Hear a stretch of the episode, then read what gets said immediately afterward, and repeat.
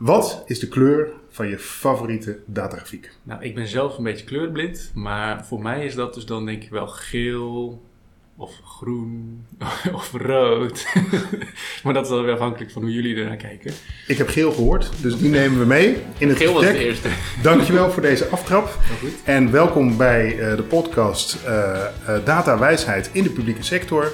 De tweede aflevering in de reeks. En vandaag eh, zitten we samen met eh, Peter Frans Oosterbaan eh, van Data Competent. En we vragen jou zometeen om je even voor te stellen. Ik kijk altijd eerst even naar links. Daar zit deze keer. Robin Hoogvorst van Datogether.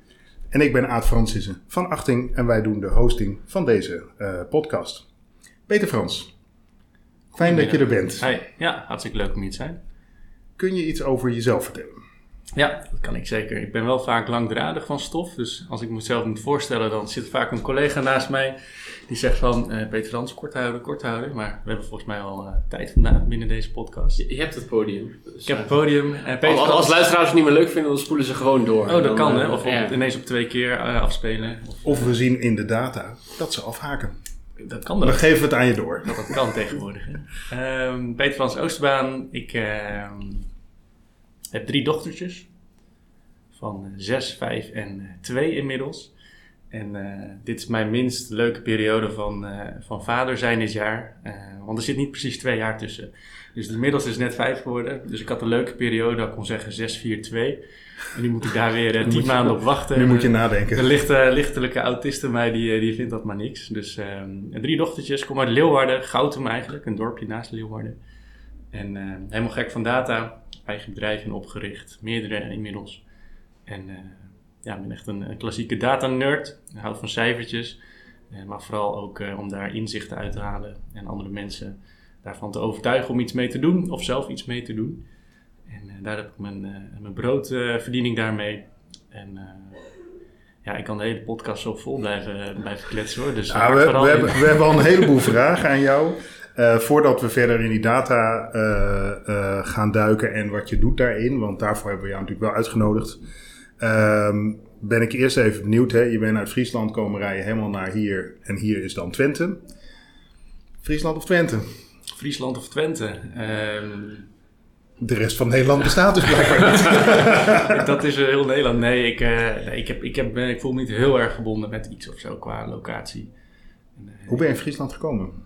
Ehm, ik ben daar geboren. Ah. Geboren, getogen, gestudeerd en op een gegeven moment eh, heel snel weggegaan naar het afstuderen om eh, werk, te gaan, eh, ja, werk te gaan werken in de Randstad. Een paar jaar gedaan. En sinds een paar jaar ook weer terug in, in Leeuwarden. Ja, mooi. Dus dat trekt toch wel. Nee, ook weer niet per se die plek, maar mijn, mijn ouders woonden daar en andere familie, vrienden, netwerk. En als je dan kinderen hebt, dan heb ik vanuit het sociaal domein geleerd dat dat handig is om, om een netwerk om je heen te hebben. En eh, ehm, vlak voor corona, en dat ja, dat bracht gewoon aanleiding om daar weer naartoe te gaan. En eh, vanuit daar hebben ze ook heel veel data in Friesland.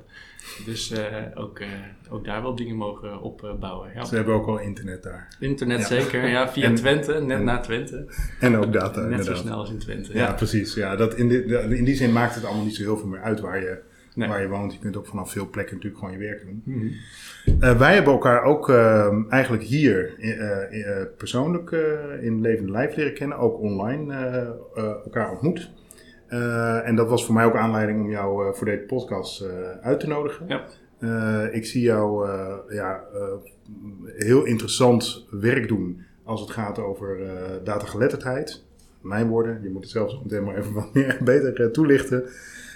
Ja, en dat enthousiasme en de missie waarmee je daarmee op weg bent, dat, dat triggerde mij dat ik dacht, nou, dit lijkt me echt super gaaf om jou eens aan de tand te voelen in deze, in deze podcast. Kom maar op. Nou, vertel, je, je hebt überhaupt al een, een hele gave missie volgens mij. Mhm. Ja, onze missie is om 8 miljard mensen data geletterder zien te krijgen. Eh, je moet toch wat, hè? Als ik mijn kinderen eenmaal naar school heb gebracht, s ochtends, en je hebt een paar uur de tijd overdag en s avonds om eh, iets te gaan doen.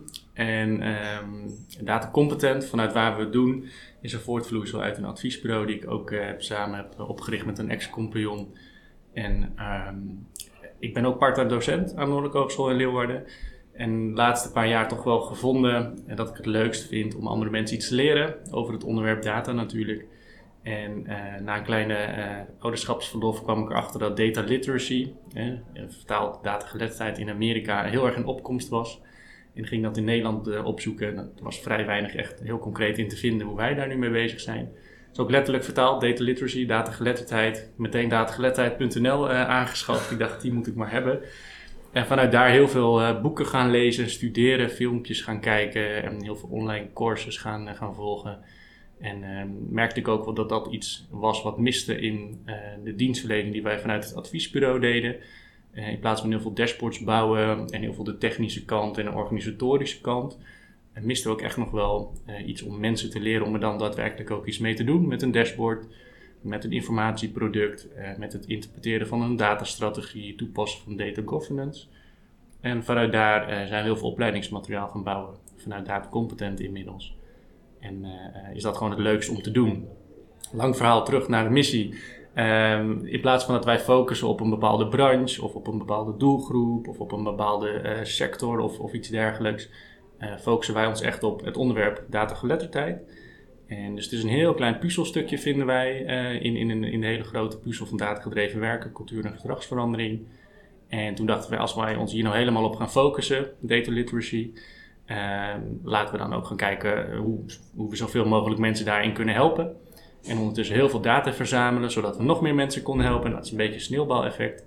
En uh, vanuit daar dachten we van laten we focussen op het onderwerp en dan een zo groot mogelijk bereik.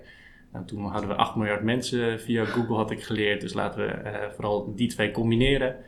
En toen kwam de missie, laten we 8 miljard mensen gaan helpen om datageletterd te worden. Want wat, wat is datageletterdheid dan precies? Datageletterdheid is het vermogen van, van jou en mij als individu om data te kunnen herkennen, data te kunnen lezen, begrijpen, analyseren, communiceren, ten einde ook acteren. Vooral het laatste is, uh, is vaak het moeilijkste ook voor mensen.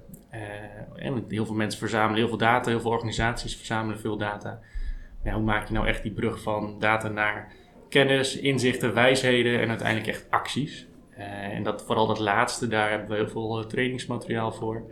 Om mensen daar bewuster in te laten worden. en mensen in te in inspireren, enthousiasmeren. Maar vooral ook uh, te activeren. Zodat ze er zelf mee aan de slag kunnen gaan. Om met zo'n dashboard of een rapportage of misleidende grafieken te kunnen herkennen. Of, ik ben zelf um, geabonneerd op een krant. Ik weet niet of hebben jullie een krant, zijn jullie abonnee? Ja, onlangs weer. Ja? Ja. Ik niet. Jij niet? Nee. Uh, bij mij komt elke ochtend uh, tussen 6 en 7 het Financieel Dagblad in de brievenbus. En als ik, uh, ik kijk daar met heel veel plezier naar, naar alle grafieken en tabellen. En vind daar ook geregeld nog wel dingen dat ik denk van, nou, volgens mij kan dat veel beter of anders. Um, oftewel, er is, er is echt een overspoel aan data. Data groeit exponentieel. Ik kan dat niet vaak genoeg zeggen. En um, ja, de vaardigheden van ons om daar iets mee te doen liggen al achter. En door die exponentiële groei wordt die gap steeds groter. En uh, is er dus heel veel behoefte aan datageletterde uh, mensen om iets met die data te kunnen doen. Professioneel gezien, uh, vanuit organisatorisch perspectief. Maar ook binnen onderwijs en ook gewoon in de samenleving. Dus een heel leuk onderwerp om je mee bezig te houden. Ja, genoeg in te doen inderdaad. Toch even een vraagje nog van, je zei van er was in Nederland niet zo heel veel, maar er waren dus geen trainingsbureaus die hier iets mee deden? niet specifiek op dit onderwerp zo concreet als hoe wij dat nu uh, positioneren. Nee.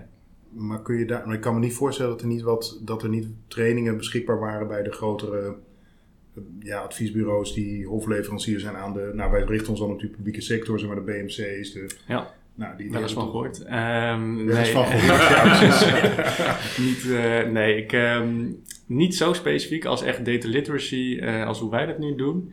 Um, wel heel veel trainingen natuurlijk op Power BI en Excel en SQL en R en Python en echte hard skills en ook wel van hey, je moet daar uiteindelijk iets mee gaan doen en je moet er acties mee gaan uitstippelen. Um, dus natuurlijk was die behoefte er wel en werd er in de praktijk ook wel iets mee gedaan. Maar hoe concreet, concreet wij daar nu de vinger op leggen met, met heel specifieke competenties en specifieke uh, meetinstrumenten en, en opleidingsmateriaal. Um, was het misschien dat er 90% hardskill was en 10% werd misschien al wat gedaan. En nu, wij zoomen echt in op die 10% van wat er werd gedaan. En dat is dus echt ons, onze 100% om op te focussen. En ehm, vanuit Amerika eh, was er dus wel veel meer aanbod destijds. Hmm. Dan spreek ik over drie, drieënhalf jaar geleden. Hmm. Eh, en alles wat ik toen eh, kon vinden in Nederland, was ik snel klaar mee. Dus toen heel snel naar Amerika. ClickSense had een hele course online staan. Natuurlijk allemaal gerelateerd aan hun eigen software. Ja, ja precies. Eh, maar wel die soft skills kwamen daar wel in, in terug. En eh, nou, ik heb zelf bedrijfseconomie gestudeerd, nog volop met cijfertjes bezig. Eh, maar ook meer alleen maar van ja, hoe zet je een goede Excel-rapportage in elkaar of bouw je een dashboard. En niet zozeer van hoe ga je nou anderen overtuigen om daar dan ook iets mee te doen. Eh, en het is ook lastig, hè? Het, is niet, het is geen makkelijke vaardigheid om eh, even te leren. Ja. Dus vandaar dat wij daar veel aanbod in, eh, in aanbieden. Ja, want die hard skills die zitten vaak bij, eh, ik noem het even, data nerds hebben wij ook wel eens, eh eh, bedoel ik niet oneerbiedig, want ik zie mezelf ook als een data nerd. En jij volgens mij ook, als, ik, als ik je zo hoor. Eh, en je ziet dat heel veel eh, trainingen inderdaad gericht zijn op de, op, de, op de data nerds. Maar dat het best wel lastig is om wat daar allemaal geproduceerd wordt en wat daar heel veel met data wordt gedaan en geanalyseerd en welke inzichten worden gegeven. Niet alleen goed te communiceren, maar ook inderdaad er iets mee te doen. Ja. En dan ook op een duurzame manier. Ja. Eh, dat, dat blijft overal wel lastig, denk ik. Maar focussen jullie dan ook bewust op zeg maar, de mensen die iets met de data moeten doen en iets minder op de data nerds? Ehm nou, 8 miljard is een grote groep. Ehm, en ons, eh, eh, ons aanbod zit wel meer op die 70, 80 procent. Die er uiteindelijk veel meer mee moet gaan doen dan degene die het prepareren of bouwen. Ja. Ehm, maar je merkt wel dat de, ehm, ook dus die groep, hè, de bouwers om het even toch netjes te zeggen, ehm, zeker ook wel behoefte hebben aan data literacy, daadgeletterdheid, maar dan zit het veel meer op het communicatieve aspect. Ja. En natuurlijk niet op de hard skills, hoe ze daadwerkelijk dingen bouwen, maar meer van hoe draag je het over, hoe interpreteer ik informatiebehoeften vanuit de business, hoe vertaal ik die naar een, eh, een effectief functioneel ontwerp, zodat mensen, als ze uiteindelijk iets hebben wat gebouwd is, ook zich in herkennen en iets mee kunnen doen. Eh, en, en, al die soft skills daaromheen, eh, die hebben daar juist weer meer behoefte aan. Ehm, dus het is niet dat we die overslaan of, of cannibaliseren, of, maar die, die moeten we daar zeker ook in meenemen. Ehm, en het is, ja, het is ook, net als daadgedreven werken, multidisciplinaire aanpak. En dat geldt ook voor opleiden in die verschillende eindgebruikersgroepen. Die, eh, iedereen, eh, we nemen iedereen mee in, eh, in onze missie. Ja. Ik kan me heel goed iets voorstellen, ook bij deze ontwikkelingen. Je ziet, eigenlijk hoor ik in jouw verhaal ook terug, wat wij vaker ook wel hebben besproken. Is dat eh, op het moment dat organisaties met data aan de slag willen, dan, dan zitten de hoofden van de beslissers toch vaak bij: ik wil een mooie grafiek of dashboard zien.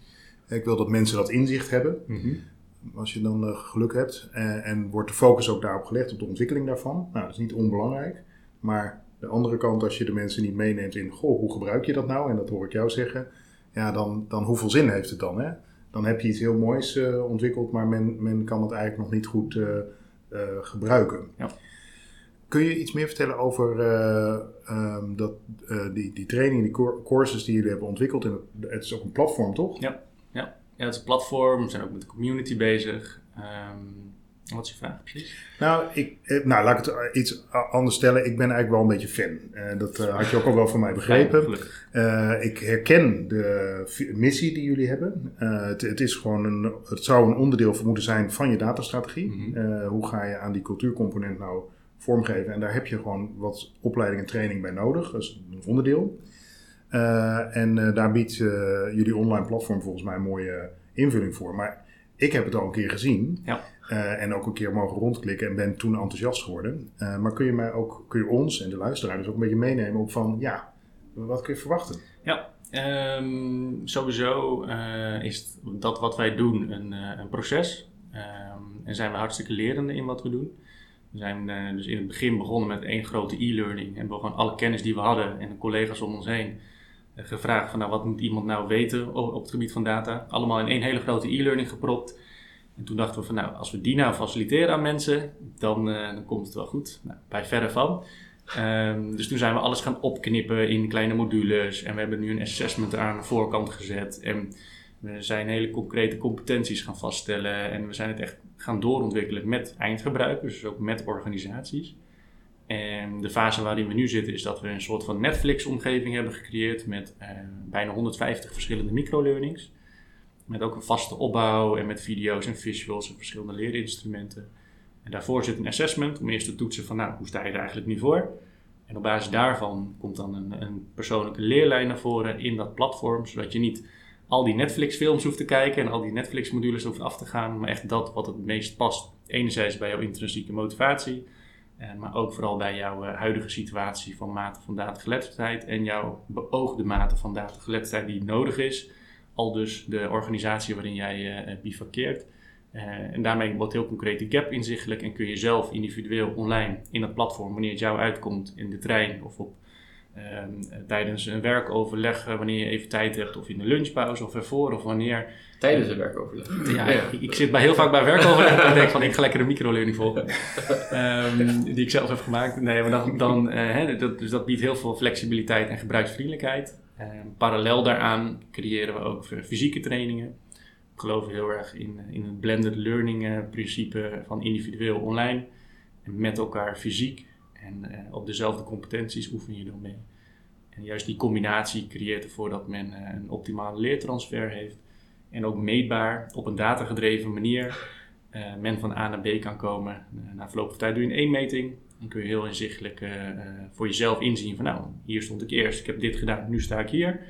tegelijkertijd creëert het managementinformatie. Op, op cluster, team, afdeling, concernniveau breed inzichtelijk kun je zien van nou, welke stappen hebben mijn collega's gemaakt welke profielen hebben welke stappen gemaakt en, en waar ligt nu het laaghangend fruit en waar gaan we volgend jaar in lijn met onze datastrategie, ons tempo, onze ambities, uh, ons op focussen. Om op die manier ook, nou, wat ik net zei, op een datagedreven manier je medewerkers uh, opleiden in datageletterdheid.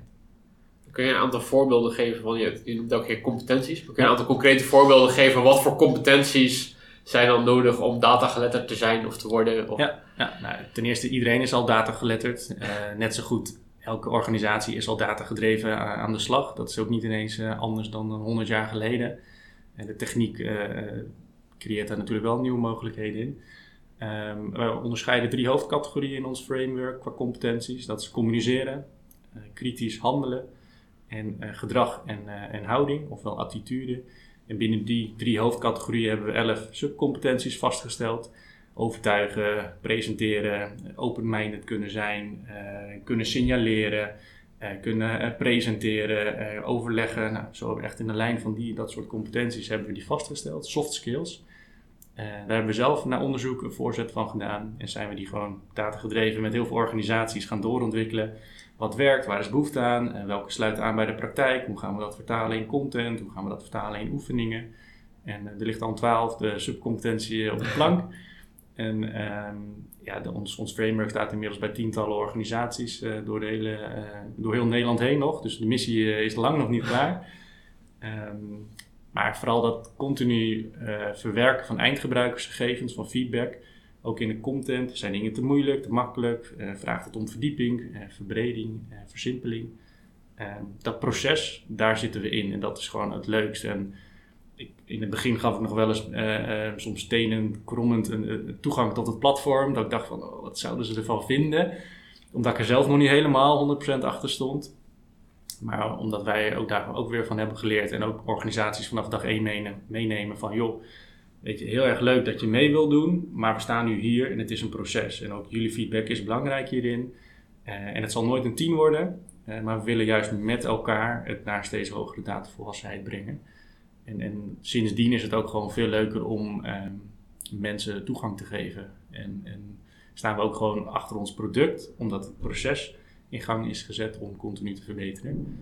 En uh, passen we eigenlijk dat wat we altijd adviseren aan organisaties nu ook een keer toe uh, binnen onze uh, eigen organisatie. Maar dat is wel heel gaaf, wat continu leren en verbeteren zijn we ook wel gigantisch fan van. Ja. Omdat juist met die feedback inderdaad je kunt groeien en eigenlijk elke dag en het is nooit af. Nee, nee dat, werkt, nee, dat, Nee, nee, om, om de zoveel jaar komt er weer een nieuwe wetgeving. Of er zijn andere technische ontwikkelingen. ChatGPT was een paar jaar geleden er ook nog niet. En, en alles wat AI nog meer op ons eh, af laat komen. Uh, je bent nooit klaar met leren. leren leven lang leren is ook uh, is onderdeel van onze visie.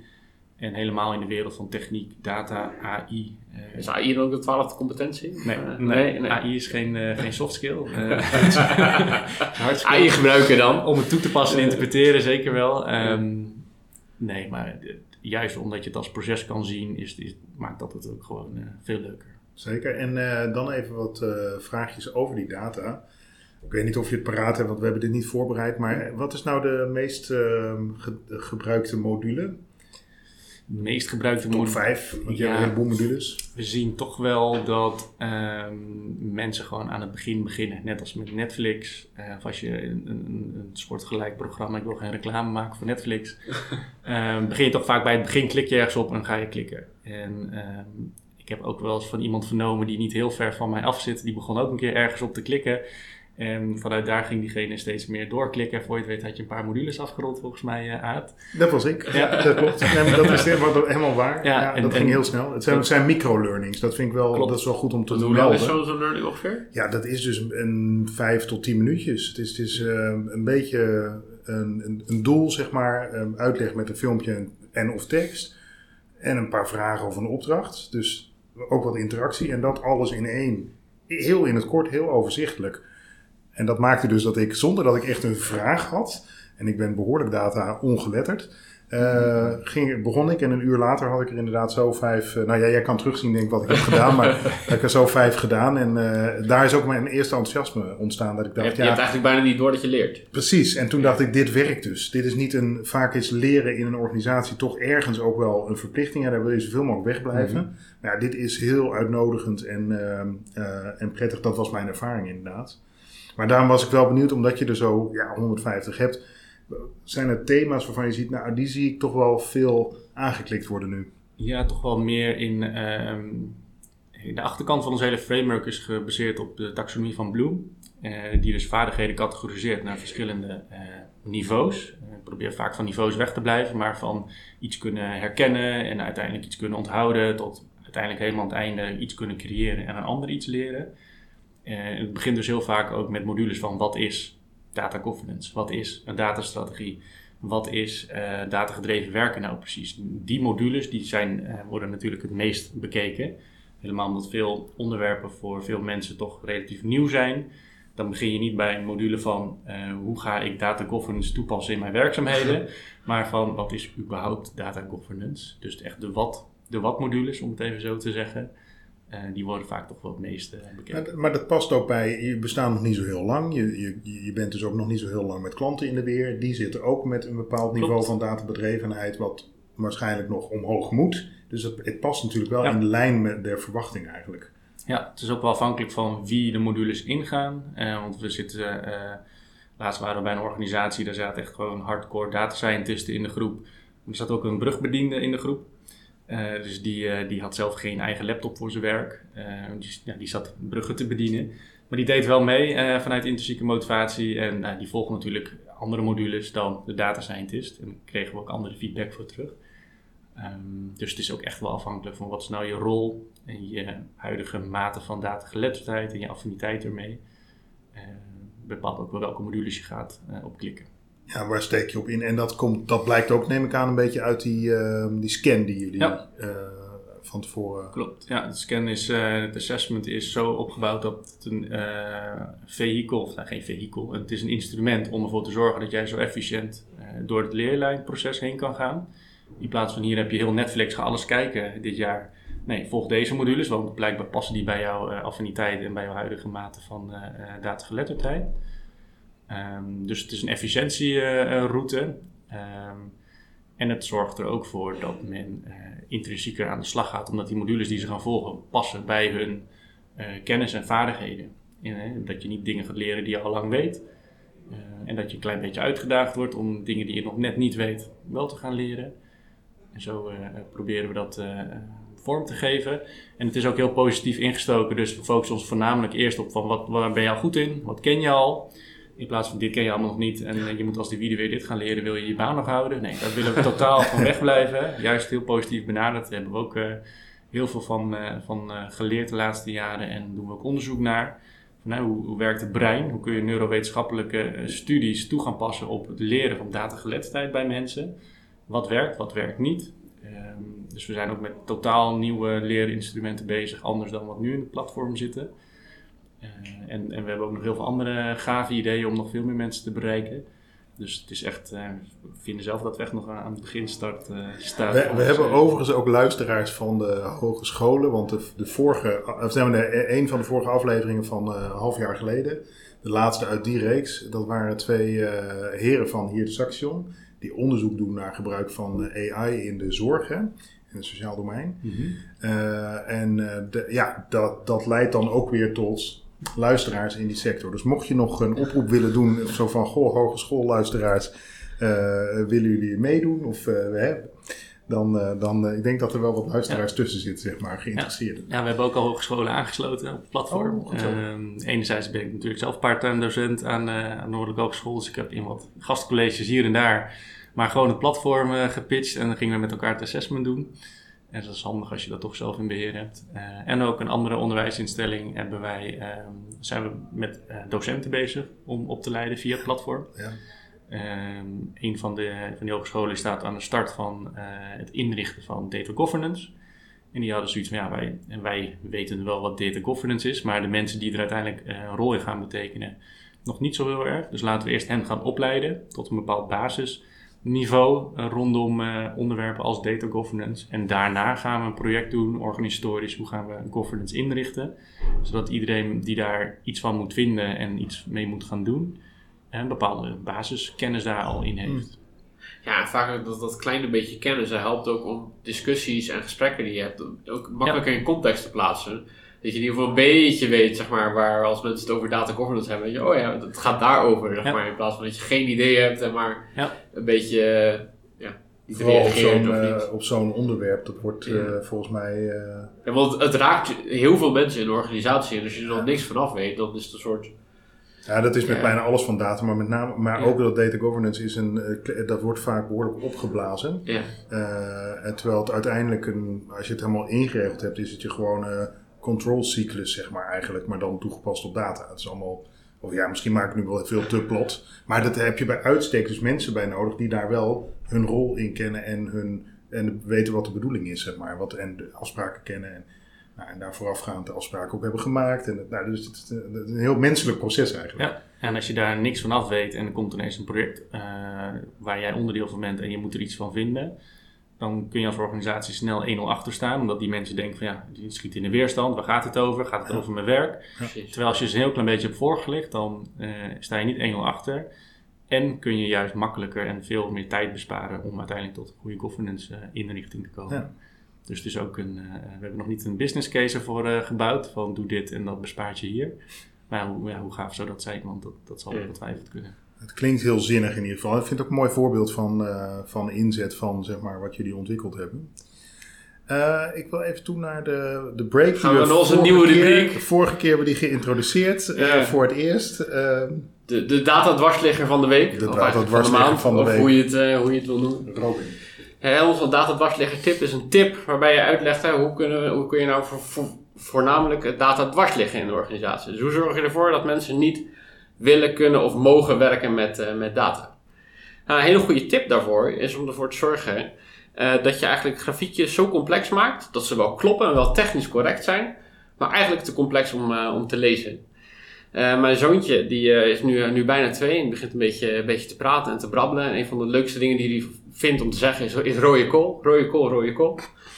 Eh, en laatst was mijn vriendin was rode kool aan het maken, dus die gooit de, de pot rode kool in het pannetje. En die heeft een lege, lege pot rode kool en die vraagt aan vinden, wat is dit? En hij zegt, op. Ja, op, ja, dat is technisch correct. En dat is de mooiste vorm van correct eigenlijk. Als we nou voor zorgen dat onze grafieken ook technisch correct zijn, dan kunnen we wel voor zorgen dat die grafieken heel mooi technisch kloppen. Niemand kan er een, een fout in vinden, want ze zijn perfect. Maar eigenlijk kun je er ook niet zoveel mee. Dus iemand kan die grafiek wel lezen, maar die kan jou geen feedback voorzien. Dus je hoeft niks meer te doen, want je grafiek is af. Jij kan zeggen, het klopt als een bus. Eh, en vervolgens hoef je geen grafieken meer te maken. Want niemand kan er toch iets mee en er gebeurt niks mee. Dus uiteindelijk denk ik, ja, wat moeten we eigenlijk met die data? Die data is allemaal zo complex, laten we er niks, niks mee doen. Nou, en dat zorgt ervoor dat je dus eigenlijk niks meer hoeft te doen. En dat je geen vragen meer krijgt. Ik vind het een super goede tip. Ja, toch? Lekker complex maken, dan Ja. ben je af van al dat datagezeik. Ja, zo complex mogelijk. Maar wel zorgen dat ze kloppen, hè? want anders krijg je gezeur. Ja, Ja, nee, precies. Anders moet je daar mee aan de slag. inderdaad. Ja. Ja, ja, ja. Top. Ik, een top tip. en eigenlijk, hè, moet- is dat ook, hoe- want hoe datageletterder mensen zijn, hoe makkelijker ze de grafieken kunnen lezen. Dus hoe meer moeite je moet doen om, om de complexiteit in te fietsen. En dan gaan ze je weer aanspreken op dat het te complex is. Ja. Eh, he- heb jij ook zo'n tip, eh, eh, Peter Frans, om eh, de datageletterdheid vooral eh te niet te doen in een organisatie? Ik denk ehm, je kop in het zand steken eh, werkt natuurlijk hartstikke goed. Maar ook ehm, blijven dwars liggen dat jij je niet herkent in de data. En nou ja, ik vind het heel knap om een grafiek te bouwen die technisch klopt. Maar ik vind altijd wel iets wat niet klopt. En ik denk als je als, als eh, niet meewillende medewerker ehm, daarin wilt participeren, dat je vooral direct op zoek moet gaan naar iets wat niet klopt. Hè. Dat kan een komma zijn of een punt of een getal of 100% wat net niet tot 100% optelt, maar 99,9 of, iets dergelijks. En dat je denkt, ja, daar zit een foutje en dus is alles fout. Ik ga er niet mee aan de slag. En Ik kan er niks meer mee. Nee, Die heb ik letterlijk meegemaakt. Ja, Ja. ja, ja, echt fantastische tip ook. Ik had er ook nog eentje in het kader van datageletterdheid, zat ik over na te denken. Wat je ook kan doen, volgens mij, is eh, als manager of leidinggevende. eh, vooral niet nieuwsgierig zijn naar de cijfers en de mensen die er iets mee moeten. Maar eh, ja, bedenken wat er beter moet. En dat ja, top-down eigenlijk gaan afdwingen. Dus op basis van de cijfers, dus jij niet, maar de cijfers zeggen dat jullie het fout doen. En, ik en de cijfers zeggen dus ook, jullie moeten het nu anders en beter doen. Nou, zoiets. Ja, de data zegt het toch? De data zegt het. Er is geen Ja. spel tussen te krijgen. Nee. Nee.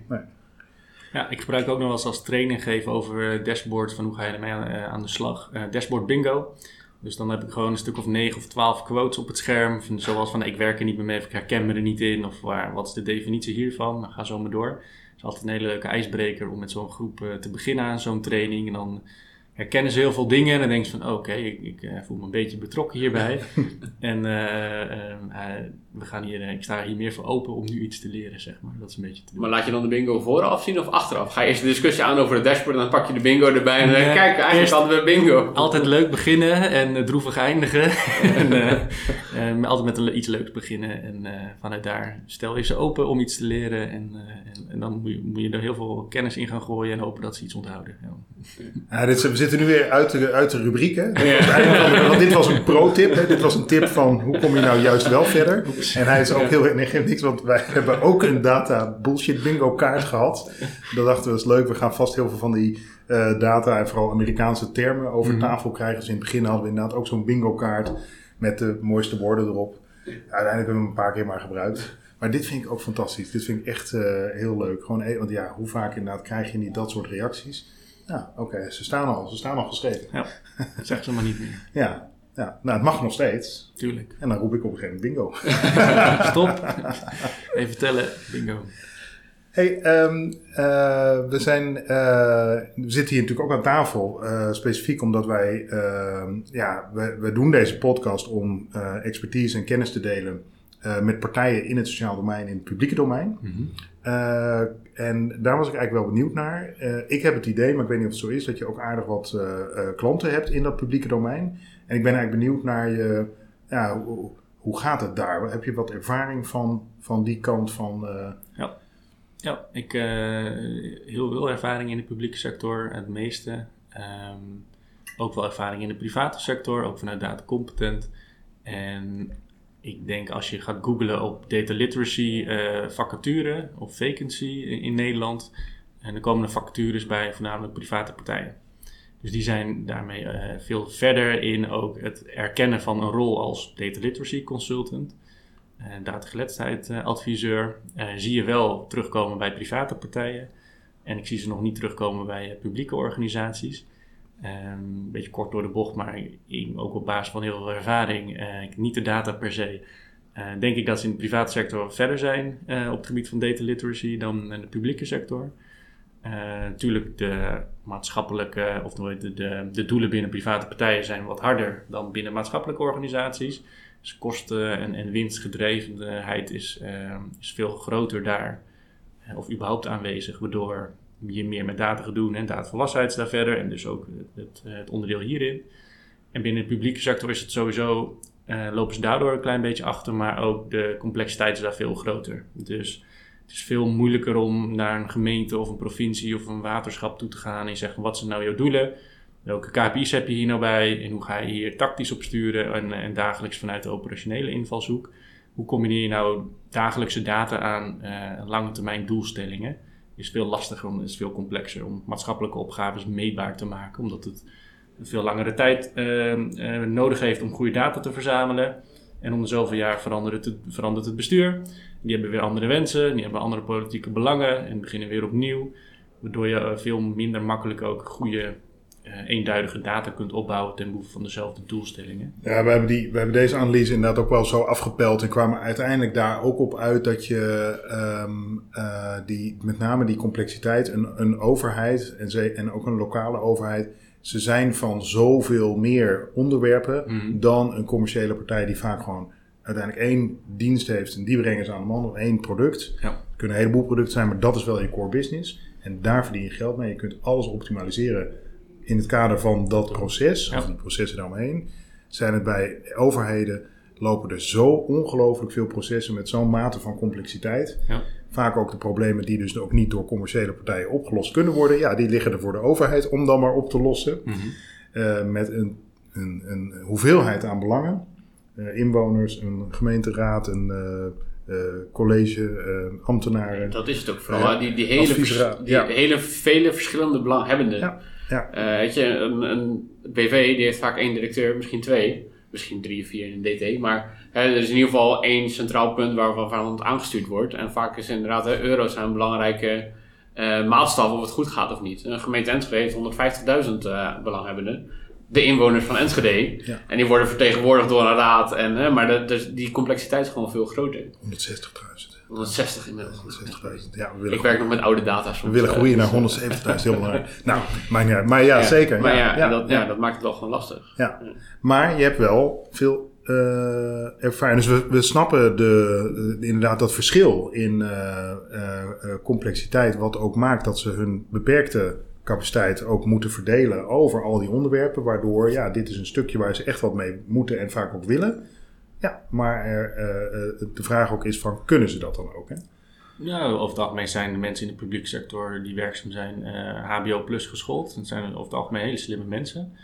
Ehm, ook van, van andere opleidingen natuurlijk. En, en ze werken ook vaak niet voor niks bij een publieke organisatie omdat ze gewoon een maatschappelijke bijdrage willen leveren. Dus de motivatie is er eh, nagenoeg vaak ook wel. Ehm, dus kunnen ze het zeker, tuurlijk. Ehm, Ik bedoel, meer kunnen ze de capaciteit vrijmaken als je van zoveel verschillende... Dat is eigenlijk meer. Het is, het is. Als het je core business is, dan is het makkelijker om te zeggen... Oké, maar dan moeten we het ook weten. En dan hebben we daar ook data. Oké, gaan we dat doen. Ja, ik denk dat dat eh, enerzijds eh, eh, heb je organisaties die er gewoon heel erg in geloven van nou, hier moeten we op investeren in, in datagedreven werken en dus ook in mensen daarin opleiden. Eh, en aan de andere kant is het ook gewoon een kwestie van tijd, denk ik. En dat uiteindelijk eh, gaan de kosten zo hoog ergens in oplopen, omdat je het niet goed registreert wat, wat voor data er allemaal onder zit en wat er gebeurt eigenlijk, dat je daar niet op kunt sturen. Dan ga je uiteindelijk naar eh, rapportagemateriaal, managementinformatie, sturingsinformatie. Dat is vaak een slag die we heel veel zien. Datagedreven werken is bij heel veel organisaties in de publieke sector staat het op de agenda. Dat was vijf, tien jaar geleden nog niet zo. Dat komt voornamelijk ook door bijvoorbeeld kostenbesparingen die nodig zijn geweest. Zorgkosten lopen op en, en het budget vanuit het Rijk worden steeds schaarser. Dus men wordt uiteindelijk wel gedwongen om iets met data te doen. En ik denk in het verlengde daarvan dat men op den duur ook vanzelf steeds meer moet doen om mensen daarin op te leiden. En data groeit exponentieel, dus er, is sowieso steeds meer data. Of je nou een gemeente bent die goed draait of niet goed draait, om het even zo te zeggen. Dus die databak die groeit wel. Ehm, en uiteindelijk, ja, mensen moeten daar ook iets mee gaan doen. Dus in, komt er ook behoefte aan opleiding en trainingen daarin. Ja, maar het gaat natuurlijk ook niet alleen maar om de hoeveelheid data, toch? Het gaat ook om de kwaliteit van de data die je daarin eh, in gebruikt. Wat, wat zie je daarin bij, bij publieke organisaties? Lopen ze daarin ook Ja. achter ten opzichte van de private sector? Ja, ik denk op alle onderdelen eh, wel. En natuurlijk, datakwaliteit speelt daar een rol in. Maar ja, hoe toets je datakwaliteit? Dat kun je technisch op een bepaald paar punten doen. Hè? Juistheid en volledigheid en stiptheid en accuratesse, noem maar eens maar op. Maar ook vooral hoe makkelijk kan je het gebruiken? En Ja, hoe maar ook, kan je het en, inzetten? en wanneer kun je toetsen of iets van een bepaalde maat van datakwaliteit is? Ja, daar Ja. heb je weer bepaalde vaardigheden voor nodig. En, en dus, eh, ja, linksom of rechtsom gaan we het over datageletterdheid hebben en komt het terug. Ehm, en, en moet je ook weer daar iets in, in ja, dat kunnen toetsen wat de mate van, eh, van kwaliteit is. En dan was mijn vraag eigenlijk van, ehm, je hebt daar ook ervaring in. Kun je iets vertellen over die, jouw ervaring met eh, eh, het, het, nou ja, het, het inbrengen van datageletterdheid of het, eh, het eh, stimuleren en bevorderen van datageletterdheid bij een publieke organisatie? Eh, hoe ze dat, wat hun aanleiding daarvan was om te gaan doen? nee, eigenlijk meer van eh, waar, waar, hoe gaat dat? Waar krijg je mee te maken? Heb je een voorbeeld van? we beginnen heel vaak met eh, bewustzijn creëren, awareness rondom. ehm, en nog niet zo vaak zeer specifiek datageletterdheid. Maar meer van we moeten iets met data, we moeten iets met data gedreven werken. We hebben het vaak geprobeerd, pilots gedaan, we hebben dashboards, maar en nu dan? Vooral die laatste van we hebben nu dashboards, eindelijk, we hebben ze. Yes, eh, hier zijn ze. Eh, Oké, eh, maar we constateren dat ze er al een half jaar of een jaar zijn. En maar er wordt ze nog worden niet gebruikt. verder van Ja, optimaal gebruikt. Ja, of bij, bijna niet. En uiteindelijk wordt er eh, geklopt door IT of, of eh, informatievoorziening van... hé, hey, we bouwen zoveel voor jullie en heel veel vragen en aan vragen geen gebrek. Maar wat doen jullie nou eigenlijk met die dashboard? En, en dat, dat zijn vaak wel aanleidingen van... oké, we moeten toch iets doen, zodat men ook iets met die dashboards gaat doen. En, en dan is het niet een knoppentraining van eh, geel is goed of groen is, eh, is nog beter... of, of zwart eh, of oranje of rood, weet ik veel, moet je mee stoppen... Ehm, mensen moeten er iets mee kunnen gaan doen. En ehm, En hoe zorg je daarvoor? Wat voor stappen kun je zetten om ervoor te zorgen dat mensen wel iets bij de dashboard gaan doen? Door ze daarin te trainen en te opleiden. Is dat het enige? Trainen en opleiden en voornamelijk ook de ruimte geven om fouten te maken. Dus dat ze met zo'n dashboard aan de slag kunnen gaan. Kijk, datageletterdheid is eh 10, 20 procent iets leren, hè, waar, wij iets in kunnen doen. Eh, het is dan 10, 20 procent eh, faciliteren dat men bij het koffieapparaat erover gaat kletsen. Of in een overleg of iets dergelijks eh, het erover gaat hebben. En die overige, eh, hoeveel hebben we over? 60, 70 procent. ehm, is het vooral doen. En het vooral mee oefenen en experimenteren. En eh, vallen en opstaan. En, en met elkaar naar zo'n dashboard kijken. En met elkaar in gesprek gaan van wat willen we eigenlijk meer zien. En maar waarom dan? En nog een paar keer waarom. En hoe dan? En eh, als we nou deze indicator hier doen. En dan kan ik aan deze knoppen draaien. Wat zie ik in het proces daar iets veranderen? En dat stuk, daarin wordt je data geletterder. We vergelijken het ook vaak met voetballen. Wij kunnen je heel goed uitleggen inmiddels onze trainingen wat, wat is een rode kaart en wat is een gele kaart en wanneer sta je bij het spel. Maar echt goed voetballen leer je op het veld. En ga vooral voetballen en ga vooral oefenen met een dashboard of een rapportage. Of Maar daarom zeg je eigenlijk dat het proces is. Dat niet in één keer zeg je, oh, we gaan iets bij de dashboard doen. En je moet eigenlijk stap voor stap leren om het dashboard te gaan gebruiken. Te gaan kijken hoe zorgen we ervoor dat het dashboard beter aanpast op wat we eigenlijk willen. Ja. Duidelijk zijn op wat je wil. Ja. Ja, ons platform heet niet voor niks Data 365. Dus we willen mensen uitnodigen en triggeren om het hele jaar door te oefenen. Met micro-learnings onder andere. Eh, en het vooral toe te gaan passen in hun eigen werkveld met hun eigen data. En wij geven je een hengel en leren hoe je moet vissen. En het is voor jou de taak om, om het water op te zoeken waar jouw gewenste vis eh, vist. Of vegetarische vis vist of zwemt. Of... Ja, maar dan krijg je dus inderdaad wel ook zo'n programma van ehm, eh, het aanreiken van die learnings. eh, en het aanmoedigen van ga dat gebruiken. En kijk ook waar je begint en waar je naartoe wil. Maak het voor jezelf ook inzichtelijk. Waar wil je naartoe stijgen in de learnings. Ja. En, het, en het aanreiken van eh, groepjes mensen die met elkaar eh, met die data ook aan de slag gaan. Ja. Op regelmatige basis. En dat, dat versterkt elkaar dan. eh. Zit dat ook in de, in de, in de opdracht, in de in microlearning, zit dat ook wel verwerkt? Dat je af en toe gewoon een opdracht zegt van nou, pak een casus erbij en... eh, Ja, elke microlearning sluiten we af met een ga aan de slag. Eh, dus we proberen wat theorie te geven, visual, video en, eh, en wat te lezen en oefeningen. En vooral ga dan aan de slag. Hè. Ga op zoek naar de datastrategie in je organisatie. Eh, klop aan bij ICT, klop aan bij beleid. Ga Eh, op zoek naar de datastrategie. Ja, ja. Ik heb vaak bij MT's gezeten dat ik vroeg van wat is nou eigenlijk jullie eh, strategie binnen de organisatie? Wat is jullie visie? En dan blijft het heel lang stil. En als je Maar alleen op het gebied van data of in het algemeen? in het algemeen Ja. al. Dus laat Ja. staan met data. En, ehm, dus ga eerst maar eens op zoek. Hè, is er een datastrategie überhaupt? En wat is dat dan? En ga googlen. En eh, als je die vaardigheden mensen leert, dan, dan hebben ze er uiteindelijk veel meer precies aan dan een datastrategie uit je hoofd leren. Want daar heb je natuurlijk helemaal niks aan. Ja, en dit is ook grappig. Het is, het is, het is, het is ook breder. Kijk, die, die dashboards en die rapporten die zijn er eh, vaak wel.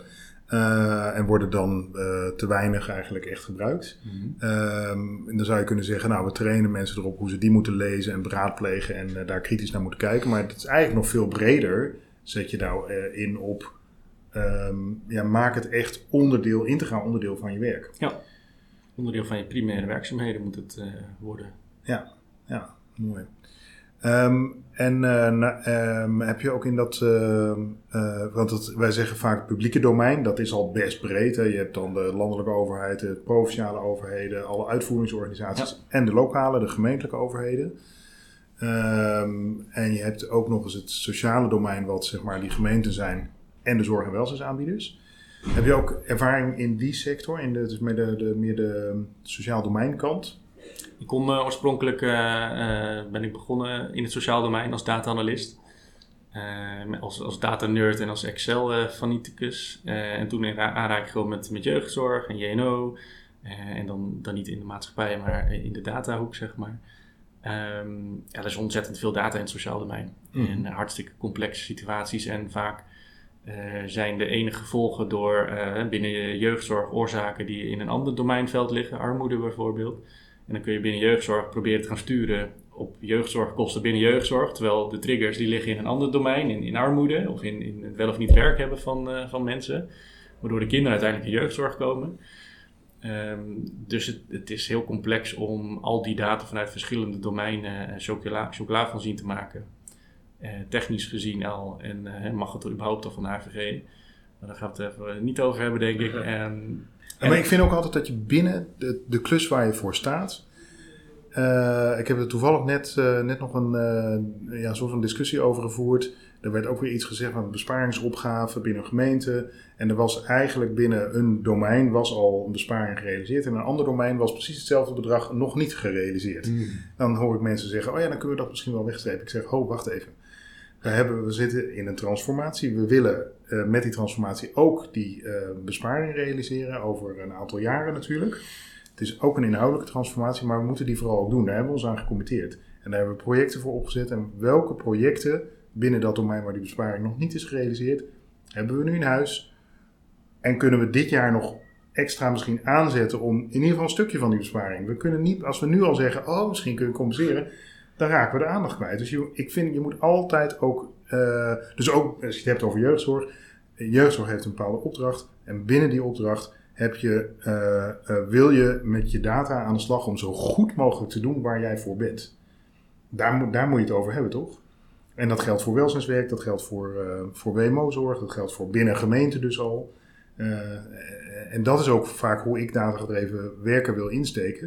Het stukje waar jij verantwoordelijk voor bent, daar wil je je data goed, liefst niet zo complex inzichtelijk hebben, of erg eenvoudig, eh, zodat je alles uit de kast kan halen om, om in ieder geval dat te doen waar jij van bent. En als dat niet werkt, dan spreek je samen af van, goh, misschien moeten we iets anders gaan doen. Ja, en daarnaast hoor ik ook wel een beetje een roep van meer samenwerking, meer data delen en meer inzichten samen verweven. Want je zal toch hebben, als je jeugdzorg, armoede, je zal die domeinen bij elkaar moeten brengen. En ook hè, met de wijsheden uit de data die je vanuit je eigen project en je eigen vakgebied hebt. Om daar samen iets van te vinden en samen iets mee te gaan analyseren, plannen maken, projecten maken. Ja. Eh, want ja, het blijft complex. Ik zat wel eens bij een, eh, een wethouder aan tafel en hadden we een, een analyse op jeugd gedaan. En uiteindelijk hadden we. De kosten moesten of bij jeugd of juist van jeugd af. En die gingen dan naar WMO toe of kwamen daar juist vandaan. En die wethouder ziet van ja, allemaal leuk en aardig. Maar ik heb nu jeugd in mijn portefeuille en volgend jaar heb ik WMO in mijn portefeuille.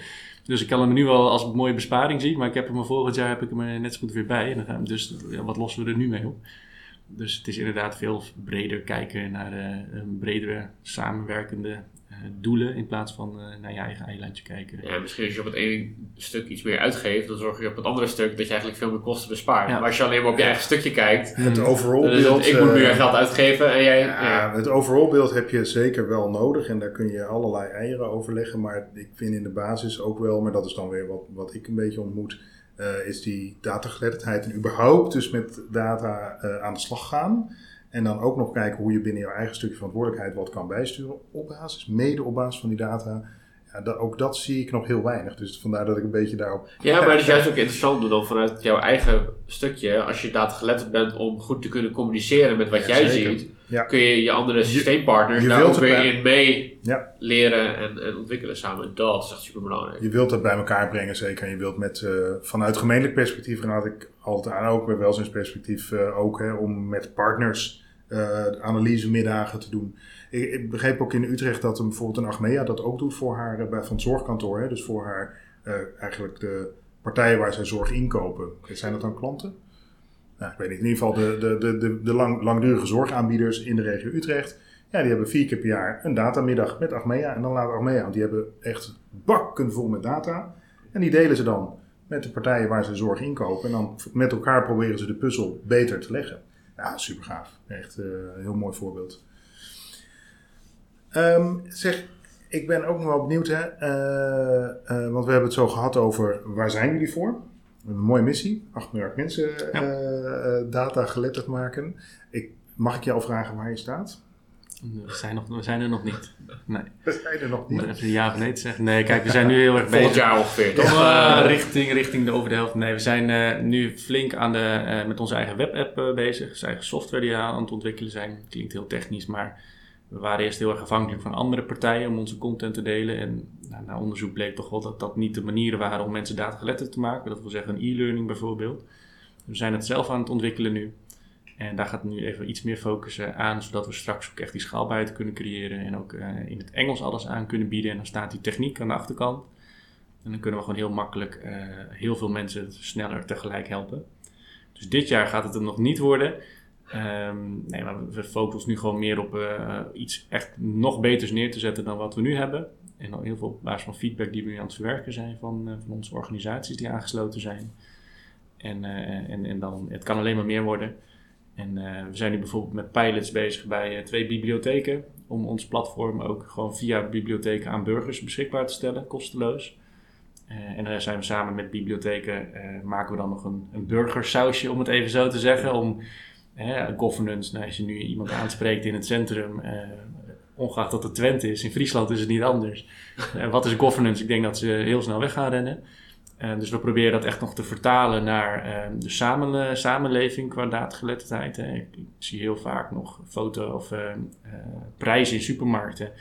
Vier hamburgers zijn per stuk duurder dan als je dit, een pakje van twee koopt, omdat die van vier dan in de aanbieding zogenaamd zijn. Ja, daar zit ook gewoon allemaal data onder en kun je cijfers gaan herkennen en, en cijfer, cijferheid noemen ze het dan wat meer in de samenleving. Um, dus via bibliotheken proberen we ons bereik te vergroten. Ook voor onderwijs willen we ons platform gratis beschikbaar gaan stellen. En dat doen uh, softwarepartijen als Tableau en Power BI doen dat ook, Microsoft Excel. En dus op die manier proberen we echt die schaalbaarheid te gaan organiseren. En, en, en, vanuit daar ook het buitenland gaan opzoeken. Gaaf. Ja, ik vind het een mooie missie, maar vanuit die missie heb je wat verteld over hoe jullie dat doen en hoe dat platform er ook uh, uitziet. Um, en je hebt ons een beetje verteld over hoe, ja, hoe je aan de slag gaat, ook binnen zo'n organisatie en wat daar allemaal bij komt kijken. En dat het vooral ook meer is dan alleen maar trainingjes doen. Mm -hmm. uh, 60, 70 procent ook gewoon doen. Ja. Nou, uh, ik denk dat dat heel goed advies is. We sluiten eigenlijk altijd af met de vraag voor een aantal praktische tips voor onze luisteraars die morgen willen beginnen of willen verder gaan. 70 procent gaan ze doen. Toch? Ja, dat was wel één. Ja. Nou, ons uh, wetenschappelijk onderbouwd assessment uh, staat gratis op datageletterdheid.nl. Dus kun je je eigen dataprofiel gaan ophalen. Uh, wel globaal nog eerst. maar dan kun je in ieder geval een beetje gaan oefenen van wat voor competenties zitten daar nou onder. Wat, waar word ik op getoetst? Hoe datageletterd ben ik eigenlijk? Dus dat is een leuke tip. Um, dat is de, de light versie van de scan? Ja, ja, ah, ja, ja. ja.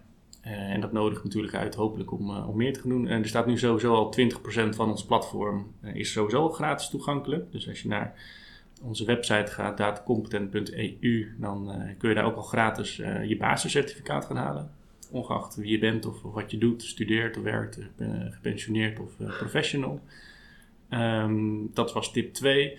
En tip 3, um, ja, ga gewoon op zoek en ga, ga binnen je organisatie of binnen, uh, binnen je, netwerk op zoek naar de. Uh, ga, ga lezen over data. Ik denk dat dat altijd een hele belangrijke is. Artikelen lezen. Uh, probeer open-minded te, te zijn en te willen leren. En eh, het niet denken dat het een keer een, een, een eendagsvlieg is of een hype data. Maar ja, je komt er niet meer vanaf. Uh, iedereen heeft tegenwoordig een smartphone die continu data aan het registreren en delen is zonder dat je dat door hebt.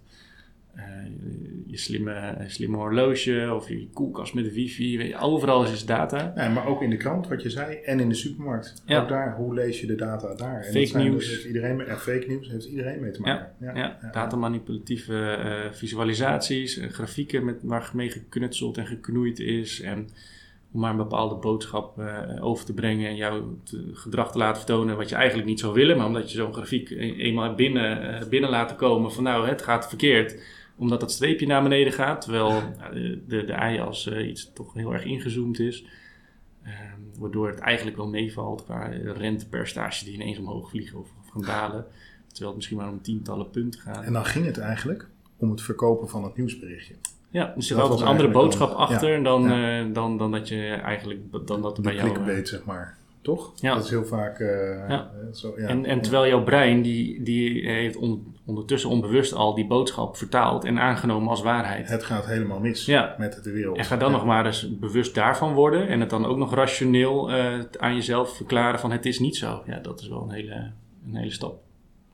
Dus ook daar eigenlijk is je tip, wees kritisch. Ja, ja wees altijd Ja, maar ook open-minded en bewust. Ook openminded Ja. en bewust. Hallo, we moeten veel tegelijk. Ja, ze komen niet zomaar weg. We moeten wel iets voor Ja, we doen. kunnen niet alleen maar kritisch zijn. Want Nee, als niet iedereen alleen alleen maar kritisch. kritisch is, dan wordt het ook niet een mooie wereld. Nee, precies.